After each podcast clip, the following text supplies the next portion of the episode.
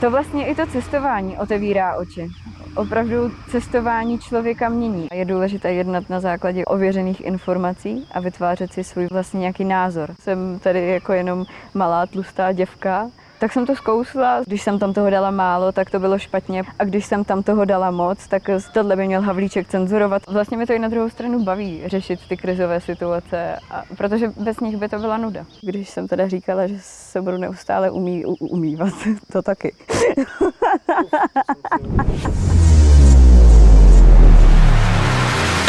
Ten zážitek bude silný. Takovouhle lekci jsem ještě nikdy nedostal. Jako. Jmenuji se Tereza Flesarová, eh, je mi 21 let. Jsem z malé vesnice u Opavy, z Kružberku. Eh, živím se jako novinářka a jsem tady s Tatrou. Eh, doposud jsem pracovala pro týdeník v Opavě, pro region Opavsko ale uh, naskytla se mi příležitost to vlastně jet s Tatrou kolem světa dvě uh, na výpravu uh, okolo Afriky. A takže práce skončila, dobrodružství začalo.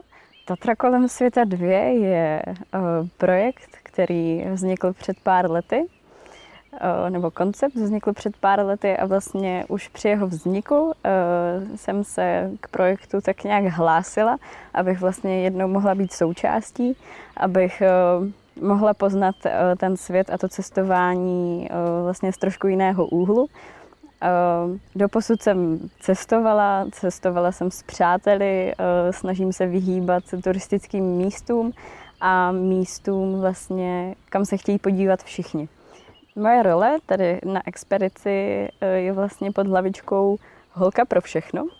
A jednou z hlavních rolí také bude eh, plánování tras a průvodcování na těch místech, tak abych eh, ta místa dokázala dočasným členům a vlastně i posádce co nejlépe přiblížit a vnést je do atmosféry toho daného místa.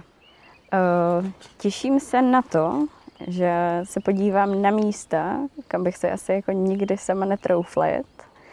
Eh, těším se na to, že tady potkám spoustu lidí. Eh, těším se na to, že budu ochutnávat eh, různá místní jídla, poznávat taky jako místní lidi. Těším se na to, že si možná šáhnu i na dno. a nemám očekávání, protože vždy, když mám očekávání, tak nejsou naplněná a potom jsem zklamaná. Budu nosičem pozitivní energie a budu se snažit komunikovat eh, s lidmi, jak místními, tak s těmi, co, co tady s námi budou. A budu se snažit samozřejmě obohatit ty lidi, eh, kteří tady s námi budou cestovat, protože to je samozřejmě součástí té mé role tady. Eh, a budu se snažit udržovat uh, jako dobrou atmosféru na té palubě, protože přejezdy mezi místy budou občas uh, dlouhé a, možná i únavné pro někoho, takže se budu snažit uh, vždycky jako navodit tu dobrou atmosféru. A už při příjezdu, když jsem teda říkala, že se budu neustále umí, umývat, to taky. usmívat, eh, tak, tak mi bylo řečeno, že mě to teda po dvou dnech přejde. A jsem tady čtvrtý den, třetí a ještě jsem se nepřestala smát, tak mi někdo asi kecal. Jedny z prvních dojmů z Afriky jsou ty, že vlastně je tady hrozný nepořádek, čeho si všim, můžeme všimnout jako různě po Africe. Neustále se tady jako povalují všude odpadky a ty odpadky vlastně požírají e, kozy, osly, velbloudi a mám pocit, že vlastně mi tady ani nic jiného nežerou. Lidem v České republice bych vzkázala to, že nám můžou závidět, tak trošku. Že by nás určitě měli sledovat na našich sociálních sítích, kde přidáváme různé příběhy z daného dne. Snažíme se přidávat i aktuální fotky. Taky bych vás chtěla vybídnout k tomu, eh, abyste se k této expedici připojili, ehm, protože zažijete to, co jste ještě nikdy nezažili. Ahoj Terko. Ahoj Marku. Pojďme si povídat o cestování o Africe a o těch dvou měsících, co jsme společně v Tatře ne, společně strávili. Já věřím, že to povídání bude výživné a že si zhrneme všechno to, co se tady vlastně událo a neudálo. Dobře, co ti cestování dává? Cestování mi dává určitý pocit svobody a z velké části eh, náplň do života, protože ráda objevuju nová místa, probouzím se na nových místech, poznávám nové lidi, což je tady jako úzce spojeno i s Afrikou, kdy se to v některých situacích s tímhle mým tvrzením jako příčí.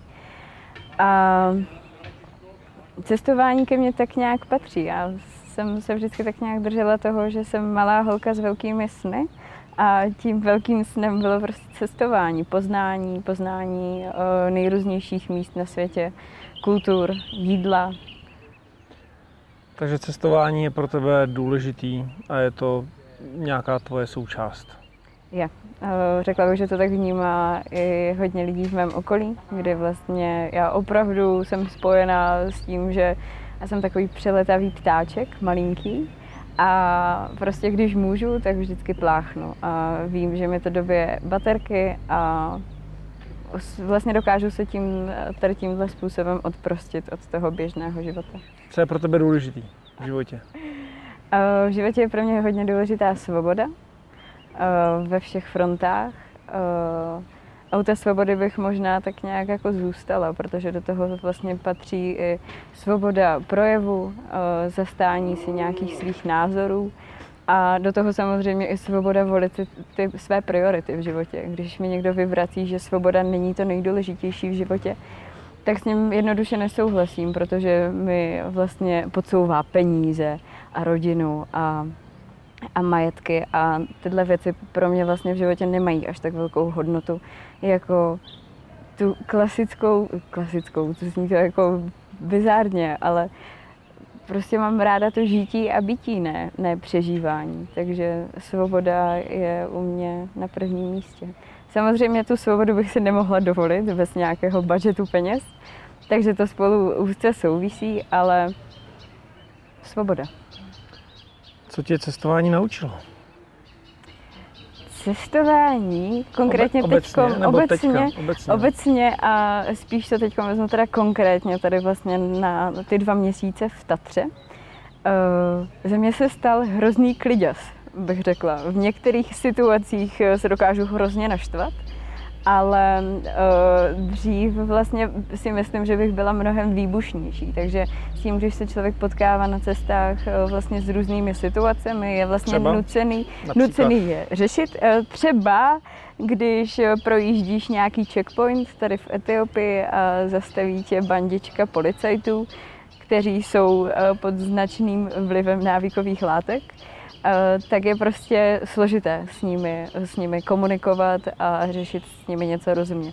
Takže v určitých situacích jsem se snažila být klidná, zachovat si klidnou hlavu a nebýt ta horká palice.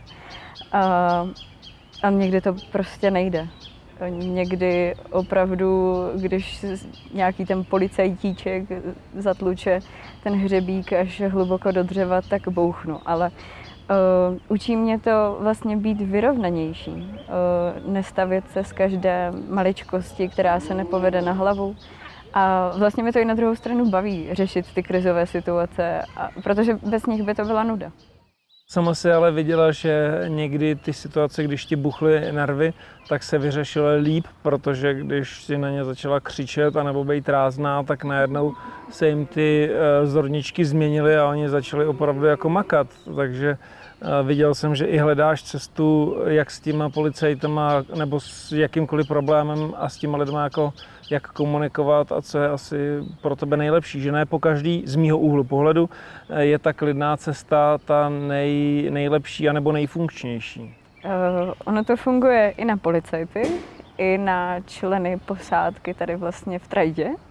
Protože když jsem se snažila být milá, Eh, řešit všechno v klidu, tak jako chlapy mávli občas rukou a jo, Tereza zase něco chce. A když jsem dupla a zařvala jsem a začala jsem být nepříjemná, tak všichni byli v pozoru a prostě fungovalo to, jakž tak třeba na 95%. A to stejné bylo vlastně s těmi policisty. Uh, oni vlastně mají na všechno čas tady v té Africe. Uh, ať už to bylo Džibutsko nebo tady Etiopie. A my, jelikož jsme měli vlastně nějaký plán a potřebovali jsme ji plnit, eh, tak jsme neměli tři hodiny na to sedět tam s nimi u kafíčka na policejní stanici a řešit to. Takže, eh, tak jak si říkal, mám potřebu vlastně vybírat si tu cestu. Když vidím, že ten člověk je rozumný, eh, není pod vlivem drog, pod vlivem alkoholu, tak jsem ochotná s, tím, s ním jednat slušně, v klidu, ale když někdo naštve, jakože mě tady naštvali hodněkrát, Největší naštvání, na co si vzpomeneš? Jedno, dvě nebo jedno? Prostě to, co tě úplně nejvíc jako rozhodilo. Nejvíc, co mi rozhodilo, tak vlastně um, se prolíná zklamání s naštváním.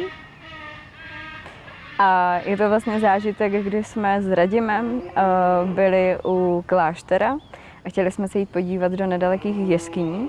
A vlastně začal nás tam odtud vyhánět místní boss, bych řekla, nějaký šéf ochranky, tím, že jsme teda přikývli, to, to byla tam má klidná stránka. Když jsem přikývla, říkala jsem OK, půjdeme pryč a v zápětí se za námi rozběhl uh, chlap se samopalem, s Kalašnikovem a začal nás honit a namířil mi na hlavu. Takže tam se jako prolnuly ty dvě cesty, mezi kterými já se snažím vlastně vybírat si.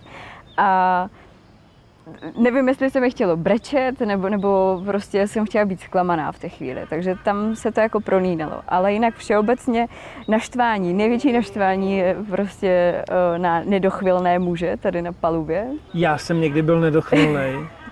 Kromě Marka. ne, opravdu? Jako, ne, ne, já musím říct, že ne, že my vždycky opravdu na čem jsme se domluvili, tak z naší strany to klaplo, jenom padala ta brzda někde jinde. Takže já myslím, že my dva jsme spolu neměli, co se týká dochvilnosti a naštvanosti, sebe menší problém. Souhlasím. A když jsme měli, to si myslím fakt, že neměli, tak bychom si to jako řekli a hned si to vyříkali. A no naštvání jako největší a vlastně i nejčerstvější, co ve mně zůstalo, tak je vlastně někdy tři nebo čtyři dny zpátky, kdy jsme se vraceli vlastně ze západní strany Omoparku v městě Jima a uprostřed města nás zastavili policajti. Byla to bandička šesti policajtů, kteří chtěli nejdřív Markovi doklady, eh, naše pasy, potom si chtěli prohlédnout auto, Potom si chtěli prohlédnout naše auto. Eh, ve všem jsme jim vlastně vyhověli, kdy si myslím, že i já, i, i ty jsme ustoupili trošku. Eh, a potom jako se okolo toho auta zhrnulo vlastně strašně moc lidí. Uh, někteří z nich se snažili něco z toho auta ukrad, ukradnout, takže to ve mně jako začalo pumpovat a potom to ve mně dopumpovalo, když jsme zaparkovali na pláckem vlastně před tou policejní stanicí a další dvě hodiny jsme opravdu s těmi policisty řešili, co se vlastně řeší, co je vlastně za problém, protože já mám pocit, že vždycky, když jsme tady něco řešili, tak jsme vlastně ani, ani oni nevěděli, co po nás chtějí, nebo co vlastně je tím cílem té naší debaty, diskuze a naštvání z těch obou stran. Takže když mi někdo řekl, relax, relax, tak to mě o to víc jako napumpovalo a hrozně mi to vytočilo. Jak by si schrnula po těch dvou měsících, dvou měsících typický expediční vlastně den? Eh, ráno dělá den, takže pokud eh, ráno vstaneš do sluníčkového dne, je samozřejmě mnohem příjemnější. Pokud vstaneš do bláta, eh, je to trošku horší. Já jsem se ráno vždycky snažila, aby se stávalo na čas, aby se stávalo na předem domluvený čas, což se nám občas dařilo, občas nedařilo. Eh, potom nastává vlastně chystání snídaně, což má... Kolik se stávalo? Eh, někdy se vstávalo u těch lepších, u těch lepších partiček se vstávalo třeba i v 5, 5.15, 6.15 jsme měli nachystané auto k odjezdu a na druhou stranu se dokázalo vstávat i v 7 a odjíždět až v 9. A o to ten den byl vždycky kratší. Takže po té snídani zase záleží na tom, kdo pije kávu, nepije kávu, kolik si ji chce dát a jak moc chce být nabuzený ten den. Po snídani se umyje nádobí, balí se auto, balí se stany, balí se židličky a vyráží se. Vždycky je daný nějaký cíl dne, kterého, který se snažíme vlastně splnit. V, v průběhu toho dne se zastavuje na různých místech, Eh, na různých vyhlídkách, na růz, v různých vesnicích A ti lidi jsou pořád spolu, takže vlastně mají uh, dostatečné množství času na to, aby se poznali. Samozřejmě záleží na tom, jak ti lidé jsou sdílní mezi sebou. Uh, většinou během dne je nějaká svačina nebo oběd, a kteří, o který se starají vlastně kuchaři, což je jedna z funkcí, kterou tady vždycky někdo z účastníků expedice zastává. A večer vlastně po zakempování se dělá společná večeře, na které si myslím, že ve všech těch partách se podíleli všichni ať už šlo o hloupé loupání česneku, nebo krájení cibule, nebo kafrání přes rameno, dělej to takhle nebo takhle, já bych to udělal líp a dal bych tam víc čili a víc oleje. Ale to k tomu prostě patří, každý má rád něco jiného a Každý ten den je naprosto jiný. Uh, už jenom tím, že vlastně se probouzíš na jiném místě, každý den se probouzíš s jinou náladou, nikdy nevíš, jak se vyspíš, uh, kolik komárů uh, tě v noci píchne. A ty dny jsou tak různorodé a tak vlastně nabité, protože i když člověk sedí v tom autě, tak má neustále uh, vlastně okolo sebe něco nového. A pokud v tom nikdy nebyl, tak to všechno vstřebává a má vlastně dostatek času i v tom autě na to, aby to vstřebal. Když jsi mluvila o těch partách, o té partě, co nějaký vysírači, nebo co nějaký ponorky, co nějaký rozepře, hádky, byla tady vlastně přes dva měsíce nebo dva měsíce, to jsem to nepočítal.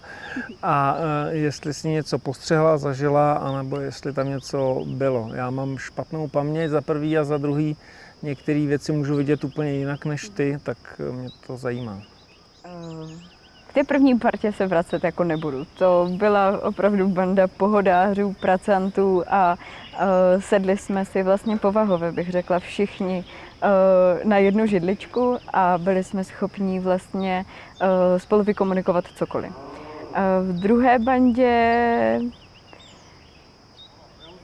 No, jak to říct?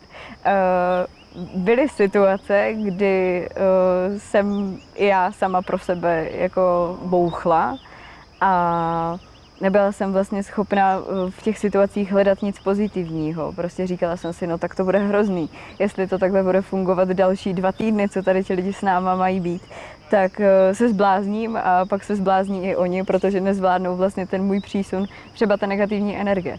Takže jsem se snažila vlastně ty lidi jako zpracovávat Eh, tak abych vyhověla jim i sobě, ale za celou tu dobu vlastně tady neproběhla jedna jediná hádka za ty, za ty dva měsíce, co tady jsem. Proběhla maximálně tak přestřelka a výměna názorů, která v závěru skončila smíchem.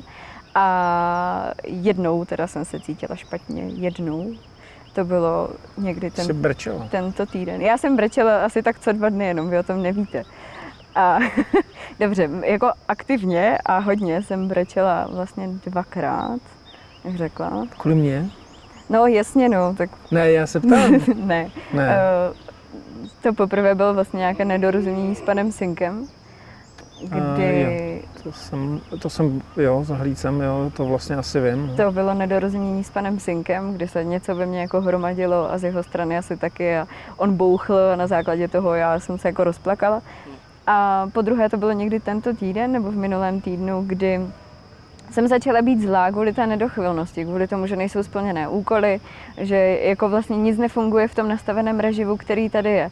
A bylo mi teda vráceno, že já jsem hrozně zlá a že nenechávám lidi odpočinout a že, že je buzeruju a nevím co všechno. Tak mě to zamrzelo, protože vlastně uh, dělám to nedělám to kvůli sobě, dělám to kvůli uh, těm lidem, kteří jsou tady.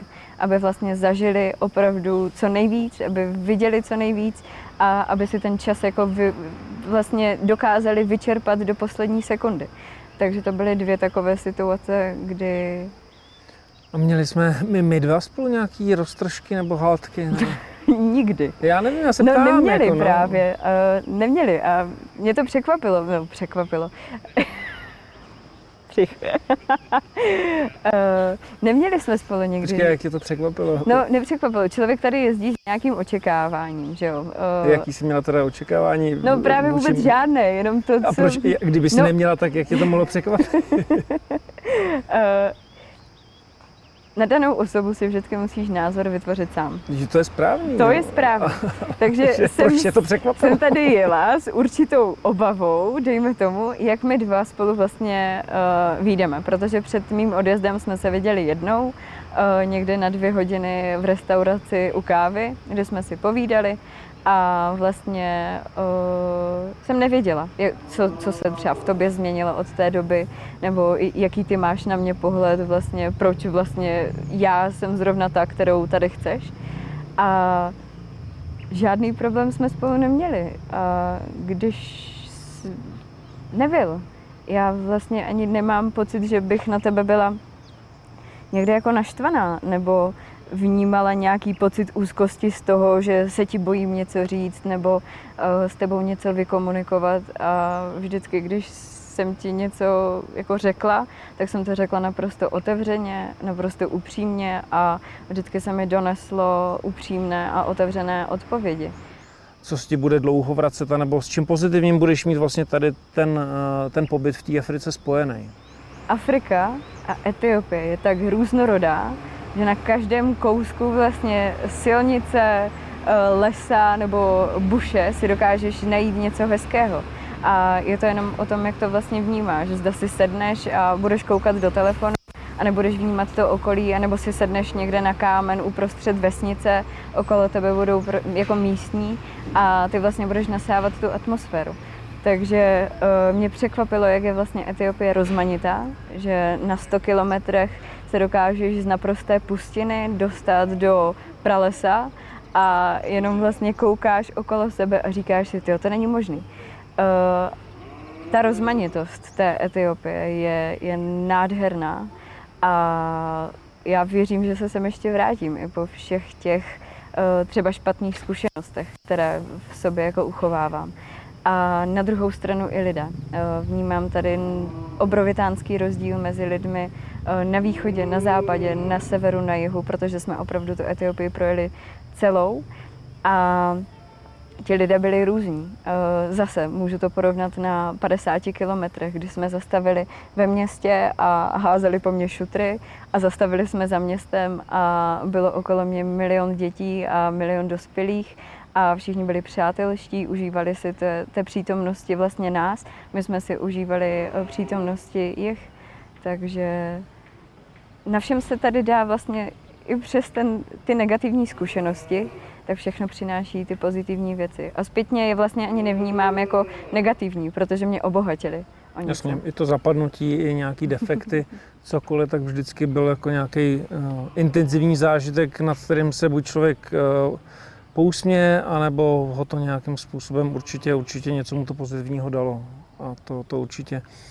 Kdybys mi měla doporučit jako eh, člověku, který tady ještě bude půl roku, co by měl dělat pro to, aby to tady bylo vlastně lepší?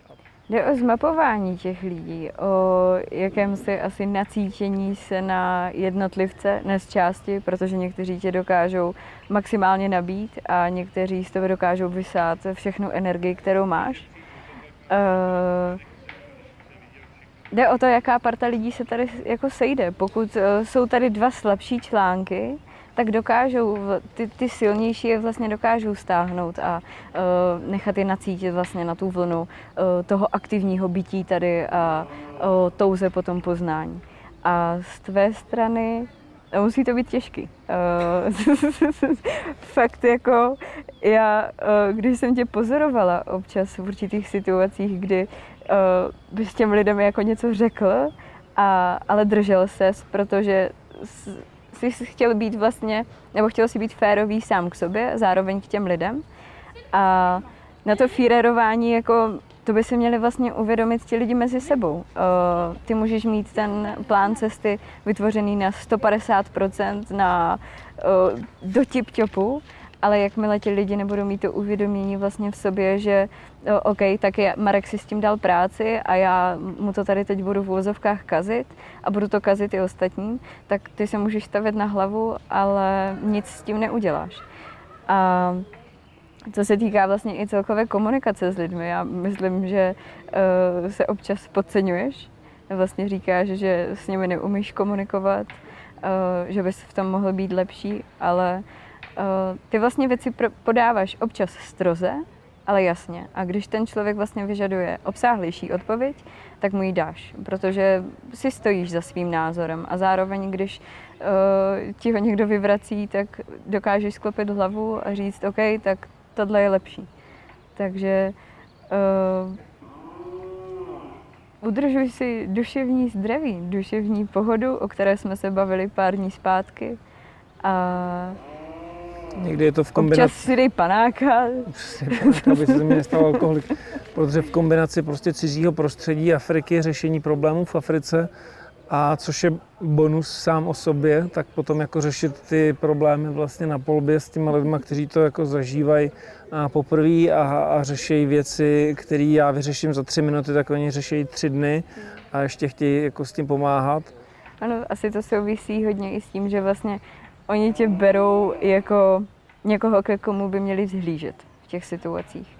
Kdo vlastně se za ně postaví a cítí vlastně z té tvé strany nějakou ochranou ruku. To bych řekla, že je velké jako pozitivum vlastně tvé osoby tady na palubě, že vlastně kdokoliv se cítí v jakémkoliv nebezpečí, tak vlastně nemusí, protože je tady Marek, který je ochrání. Já chtěl jsem se taky zeptat na, na, na řízení, protože si tady zažila, pokud vím, tři řidiče. A jak jsi se cítila, a ne, jako bezpečně, nebezpečně? A když budeš mluvit o mě a z tvýho úhlu pohledu, co bych mohl jako zlepšovat, protože někdy jsem si tu jízdu užíval a asi jsme si tam málem rozbili hlavy, a, a nebo jestli se cítila jako nebezpečně, to mě jako zajímá, protože se to hodně jako řeší e, různě, ne tady, ale jinde. Já myslím, že ty bys si měl na hlavu napsat takové jedno velké D. D jako debil, nebo co? D jako skupina. jo. Uh, ty cesty jsou tady hrozné. Uh, některé jsou lepší, a tvé řízení, já bych řekla, že dost dobrý. Uh, vlastně zažila jsem tady uh, Radima, který byl vlastně školitelem, nebo který je školitelem uh, Tatry. Zažila jsem tady Pavla, kterého jsem se bála. To jsem se jako hodně bála. To jsem se dokonce i připoutala a držela jsem se zuby nechty a brzdila jsem před každým retardérem společně s ním a nejradši bych si představila ten volant před sebou. Uh, to byl první den. Druhý den jsem mu dala šanci, ale po dvou hodinách eh, nedala jsem to. Já prostě mám hrozný problém se někomu svěřit vlastně uh, do toho volantu, nebo mám problém se svěřit někomu v autě. Dělá mi to hrozný problém. A tím vlastně, když eh, tady byl ten Radim, kterému jsem jako profesně věřila asi na 190%, a Radim vlastně uh, střídal tebe, nebo ty si střídal Radima, a neměl k tomu připomínky Radim, ta jízda byla pohodlná, tak vlastně mě nedělá problém eh, s tebou sedět vepředu v kabině, nebo sedět vzadu v ředitelně, nebo vzadu na sedačce a cítit se pohodlně a bezpečně. Eh, to, že tady lítají krávy a oslové a kozy a občas o nějakou zavřeš eh, poklop od, nevím, co to tam je, větrání nějaké, Uh, tak to je asi, bych řekla, běžná praxe řidiče tady v Etiopii. A já jsem se cítila bezpečně. Eh, když se mi něco nelíbilo, tak jsem ti to potom hned vpálila. Když jsem seděla vedle tebe v té kabině a řekla jsem ti, no tak tohle už bylo jako přes čáru. A myslím si, že i den, kdy ty jsi rozsekl hlavu, tady nahoře máš takovou bouličku a o vlastně ten kastlík, který byl nad tebou, což samozřejmě nebylo tvojí vinou, protože tam byla kaluš, no. A vlastně máme za sebou jedno zapadnutí v bahně, Eh, v takovém strmnějším kopečku, kdy jsme auto kopali nebo vyhrabávali vlastně tři hodiny. A tam jsem koukala, co dokáže Tatra, co dokážeš ty, že nezuříš, že jsi absolutně klidný za tím volantem. A i tady, i z toho pohledu vlastně, když jsem seděla venku, tak jsem věděla, že i to auto, i ty jste v bezpečí. Uh, nebylo asi kam dál se obulit, Teďka jsem si vzpomněl, že vlastně kluci se docela často rozčilovali za tím volantem, že jo? To je pravda. Uh, je pravda, že uh, Radim byl, to, to bylo tak jako nahoru dolů, hmm. asi tak jako s deštěm, kdy jeden den byl úplně naprosto jako vyklidněný za tím volantem, si tam hopsal, koukal po černoškách a oslíci mu tam přebíhali zleva doprava.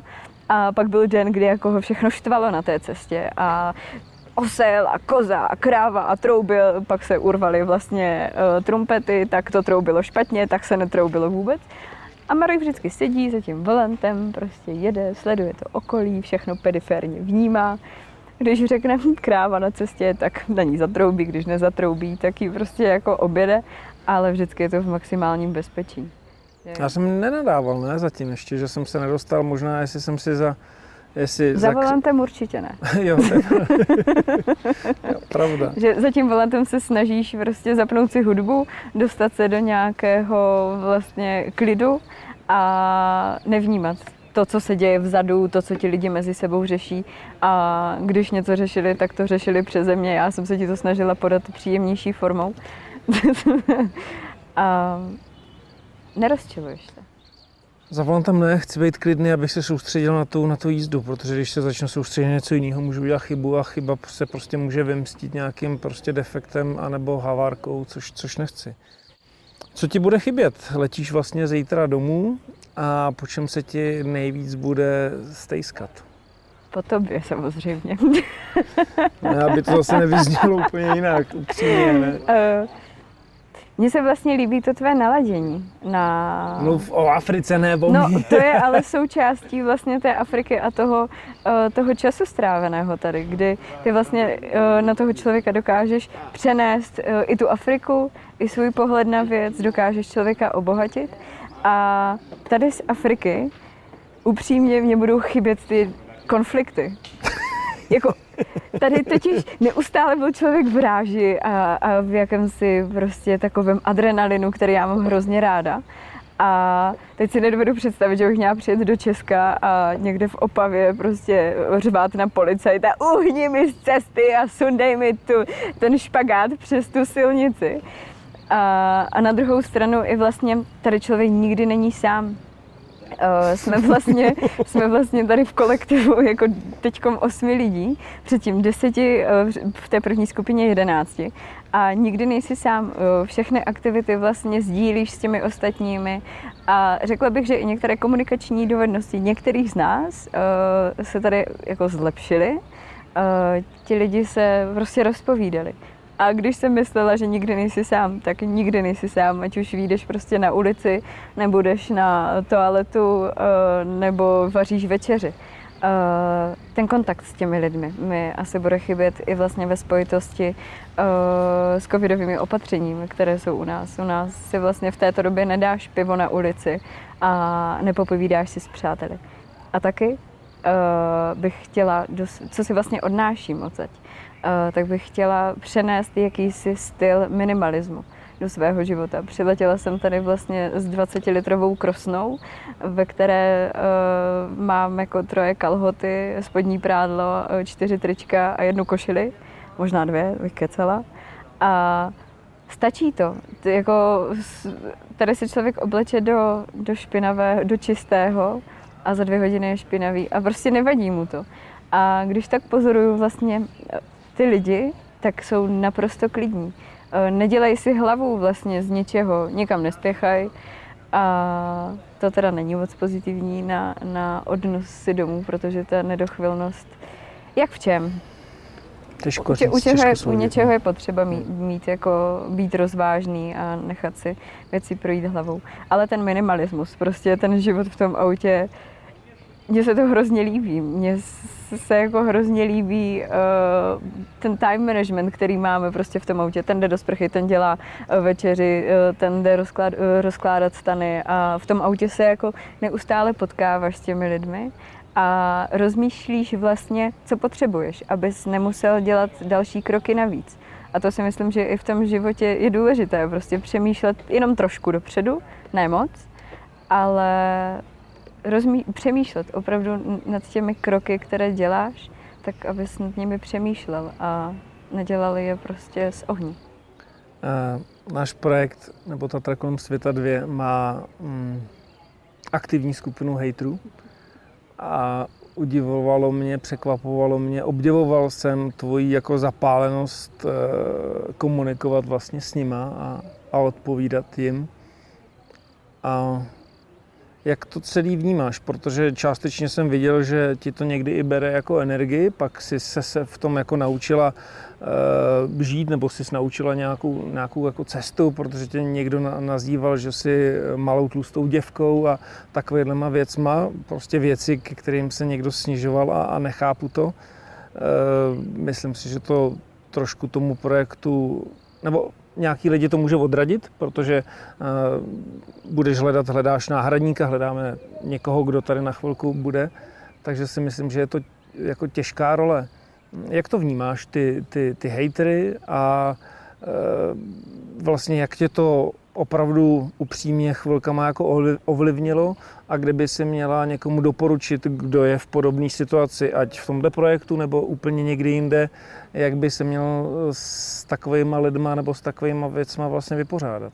Mm, když, si, když se ptal teď vlastně na to, jak mě to ovlivňovalo, jak mi to bralo energii, je to hrozný žrout času uh, hrozný žrout času v tom, že vlastně si otevřeš jeden nějaký post a začneš si tam pročítat vlastně 90 nebo 200 nebo 250 komentářů, uh, které jsou vlastně o tobě.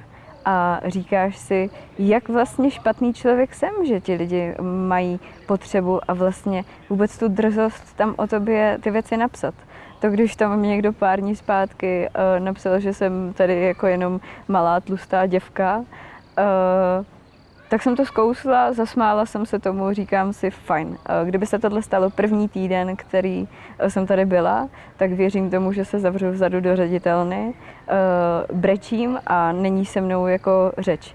A je důležitá psychická odolnost. Eh, a je důležité jednat na základě ověřených situací, podložených vlastně situací a ověřených informací a vytvářet si svůj vlastní, vlastní nějaký názor ať už na člověka, ať už na celý uh, projekt, projekt Tatra kolem světa 2. Uh, eh, protože ta skupina hejtrů je vlastně tvořena uh, lidmi, kteří tu osobní zkušenost nemají. Uh, je tam pár jedinců, kteří tady třeba byli. Uh, Saša. Asi den nebo dva dny, no. No, potom je tam nějaký Daniel, který tady vlastně byl, Walter, vyrážel, no, vyrážel. Uh, a jsou to prostě lidi, kteří vlastně si i na mě vytvořili názor skrz to, co já jsem psala na své osobní profily na sociálních sítích. Eh, jednalo se teda konkrétně o Facebook a o Instagram. Eh, ty profily mám veřejné, takže vlastně si mohli přečíst cokoliv eh, jsem zde vložila. A nechtěla jsem to měnit, protože uh, vždycky jsem si zakládala na tom, že to, co na ty profily vkládám, tak je vlastně z pohledu mých očí. Je to napsáno mými slovy, uh, fotky jsou foceny uh, vlastně mým pohledem a nechtěla jsem jako se cenzurovat vlastně sama sebe. A když mě tam někdo osočil z toho, že vlastně uh, tam toho dávám málo nebo naopak moc, a když jsem tam toho dala málo, tak to bylo špatně, protože to Havlíček určitě cenzuroval. A když jsem tam toho dala moc, tak se zase doneslo odpovědi, tohle by měl Havlíček cenzurovat, tohle by se nemělo posílat pryč. Cenzuroval jsem ti nějaký texty, nebo jsem ti říkal, tohle tam nedávej, nebo tohle máš? Jako... Jo, jednou jsem ti říkal, že o tom kakání. To... Ne, to zčural někde u jezera, to jsem tam dala tvojí čurej vynikající fotku. Jo. Tak to byla jediná situace, kdy se Mark na mě podíval špatně. Jo. No, a já jsem nevěděla, že čůrá. To byl ten problém, protože on tak stojí vždycky. No. Ale uh, ti lidi um, vlastně v té hate skupině jsou, jsou zapšklí. A já jsem to vnímala jako hroznou závist z jejich strany vlastně. To, že oni nevidí smysl, proč cestovat v covidu ale proč necestovat v covidu? Proč eh, jako být doma a sedět dva roky zavřený na zadku, když můžu poznávat ten svět? A zároveň to vlastně mrzelo i mé okolí, kteří, eh, ke kterým se ty informace vlastně eh, z té hate skupiny dostávaly. Měli obavy, jak to tady vlastně s tím Havlíčkem zvládnu a jestli dostanu najíst a jestli mě nevysadí někde u cesty a, a jestli mě prostě někde nepicne a, a kde si, co si. Takže tam byla vlastně obava i ze strany rodiny a když po dvou týdnech nebo po týdnu viděli, že já jsem naprosto happy a uh, ty jsi mě ne, nekopl do zadku a já tebe nikoho jsem nekopla do zadku, tak začali být v klidu. Ale jak si vlastně někdo může dovolit vytvořit na tebe názor skrz sociální sítě, na které ty něco píšeš? Jsme v Je to tak, no. 21. století. Na sociální sítě někdo neustále sdílí uh, veškerý šum okolo politiky. Tak proč já bych nemohla sdílet veškerý šum uh, okolo cestování? A jde o můj jako sub, uh, subjektivní názor na Tatru, na cestování po Africe. Hmm, co by si lidem vzkázal ohledně cestování, ohledně covidu, ohledně životní filozofie, ohledně čehokoliv? Že ten život je safra krátký na to, abychom vlastně si dokázali za prvé nějak uspořádat priority, eh, říct si, co vlastně chceme v tom životě. Pro někoho je důležitější rodina, pro někoho svoboda, pro někoho peníze a mm, to cestování s Tatrou je hustý. Fakt jako eh, člověk tady uvědomí spoustu věcí, ať, ať už je to jako žít v jakémsi minimalismu, ži, vycházet vlastně s lidmi, komunikovat s lidmi, řešit vlastně s nimi i jejich problémy, které uh, oni tady mají na té cestě. Uh, neustále vlastně Dělala jsem to vždycky, ale o to víc teď eh, budu podávat třeba pomocnou ruku, protože někdo jako si neví s určitými věcmi rady, eh, nedokáže si pomoct nebo nedokáže najít nějaký objektivní názor, je vlastně přesvědčený o tom, eh, o tom jeho pohledu na věc a to vlastně i to cestování otevírá oči opravdu cestování člověka mění. A mění ho i z toho pohledu, nebo v, těch situacích, kde cestuje sám, eh, nebo ve dvojici, anebo cestuje opravdu jako s partou naprosto rozlišných lidí. Takže bych vzkázala všem, ať cestují. A je jedno, jestli eh, pojedou někdy s námi, nebo pojedou do Afriky, nebo kamkoliv po světě po vlastní ose. A a to jenom z toho důvodu, že je to neskutečně obohatí. Děkuji za milé popovídání a za milý dva měsíce společného času a cestování. Já taky. Děkuji za, za to poznání a za vlastně i tvůj pohled na, na celou expedici. Díky.